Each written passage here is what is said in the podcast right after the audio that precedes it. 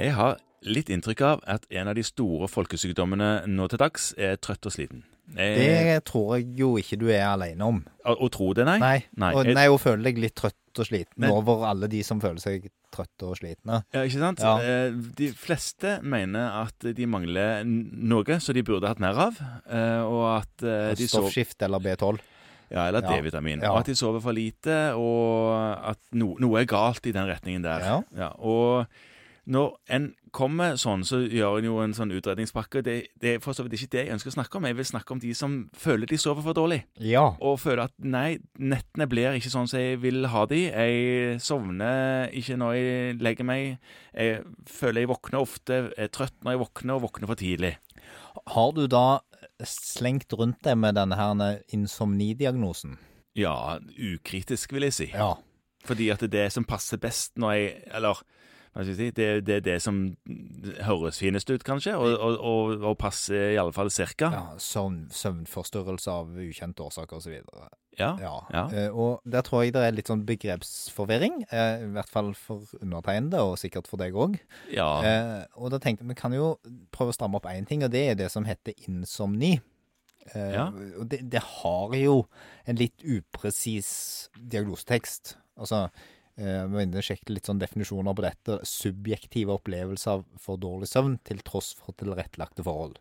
Det vil si at du har, ja, altså, har du en seng, så er det mørkt der, Det er men du sover dårlig. og du har mulighet til å ligge der helt alene. Det vil si at det er egentlig ikke greit å si at det er en insomni hvis den fire måneder gamle ungen din holder deg våken hele natten, for da har du faktisk ikke tilrettelagte forhold. Nei. Da er det ikke søvnforstyrrelse for søvnforstyrrelsens del, da er det en forstyrra søvn. Ja. Og det, det er litt viktig å skylde på. Og så skal det i tillegg gi nedsatt funksjon på dagtid, ja. for at du skal kalle det en insomni.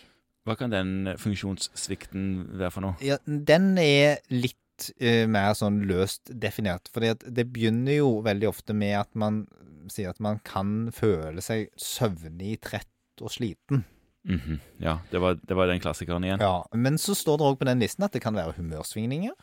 eh, Redusert yte- eller konsentrasjonsevne, altså at man sliter med å konsentrere seg. Svekket kognitiv eller sosial fungering. Sovne i sosiale sammenhenger er jo veldig lite hensiktsmessig. Fysisk ubehag eller økt ulykkesrisiko. Ja. Ja. Du klønner det til bak rattet og Ja, og der, der er det jo faktisk sånn at, at på disse førerkortetestene så er jo faktisk søvnforstyrrelser en rubrikk du skal krysse av for. Ja. Det er jo sånn som kan være litt farlig i trafikken.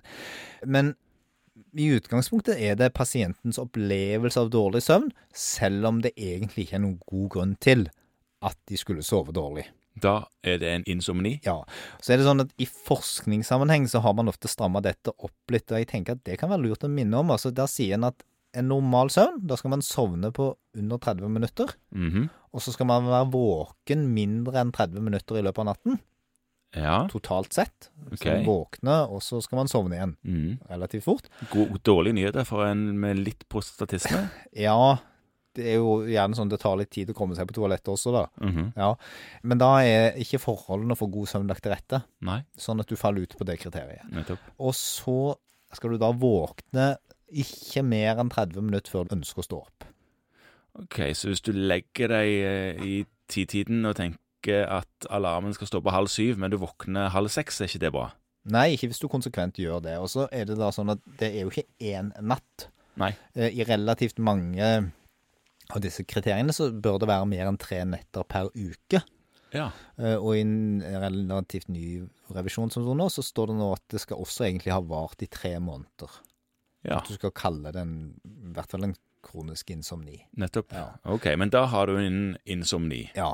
Og det er litt sånn greit at man på en måte vet at en søvnforstyrrelse for søvnforstyrrelsens del, den skal på en måte da ikke skyldes noe annet. Så i utredningen av denne så kommer jo da disse blodprøvene som du snakker om. Ja. For å se at man ikke mangler noe. Det kan jo være at man faktisk er trøtt på dagen av helt andre årsaker. Ja, ikke sant? Har HB på 7,5. Og da er det ikke søvnens skyld at man er trøtt på dagtid. Nei, du sover ikke på deg en høyere HB. Nei. Nei, og, og det er ikke kanskje derfor du er trøtt på dagen heller. Nei. Eller hvis det er noe galt med stoffskiftet. Ja. Eh, Sånn at blodprøver hører helt sikkert med i utredningen av dette. Og så kommer komparenten og sier ja, men du snorker jo. Ja, Sant? Obstruktivt søvnapnøsyndrom er jo absolutt en, en ting. Ja. Eh, Det som er viktig, er jo en, i utredning av søvnforståelser, er jo da kanskje å føre en søvndagbok. Ja. Ja, eh, og da er vi jo inne på sånne gode tips og triks til fastleger i en travel hverdag. De, hvis man går inn på legehåndboka og slår dette opp, så er det en link til en søvndagbok av, av en av de som har peiling på dette. Der står Bjørn Bjorvatn på den. ja, han er jo en autoritet innen akkurat dette her. Eh, og erfaringen er nok med denne dagboken som mange andre dagbøker, at verden ser annerledes ut når de fører dagbok, enn etter fri hukommelse. Det er, en klassiker, ja. Mm. Sånn at man anbefaler at de fyller ut det etter første konsultasjon, for å skaffe seg en bedre oversikt over om dette er en insomni, eller om det er andre ting. Og det er òg mye, mye nyttigere til å evaluere eventuelle tiltak. Mm. Siden vi da snakket om skjema, hvis du fikk nuss i at det kan dreie seg om et obstruktivt søvnapné-syndrom, dette her, så er det òg diverse skjemaer man kan bruke, linka til fra Nell, som ørenese- og halslegene blir veldig glad for at følger en eventuell henvisning den veien. Kjempeglad. Mm. Og det er jo absolutt noe som må utredes, for det er jo faktisk en av de tingene som kan behandles Mhm. veldig effektivt hvis de har et eh, obstruktivt søvnapnésyndrom. Er det andre ting vi burde Altså, vi tar blodprøver, og vi sjekker om de snorker og har dårlig tannhelsestatus og sånne ting. Men kan det være andre ting? Kan det være at eh, de bare har et døgnrytme som er ikke så kompatibel med hvordan samfunnet ellers er lagt opp? Ja, altså Søvnfaseforstyrrelser er jo en av, av differensialdiagnosene.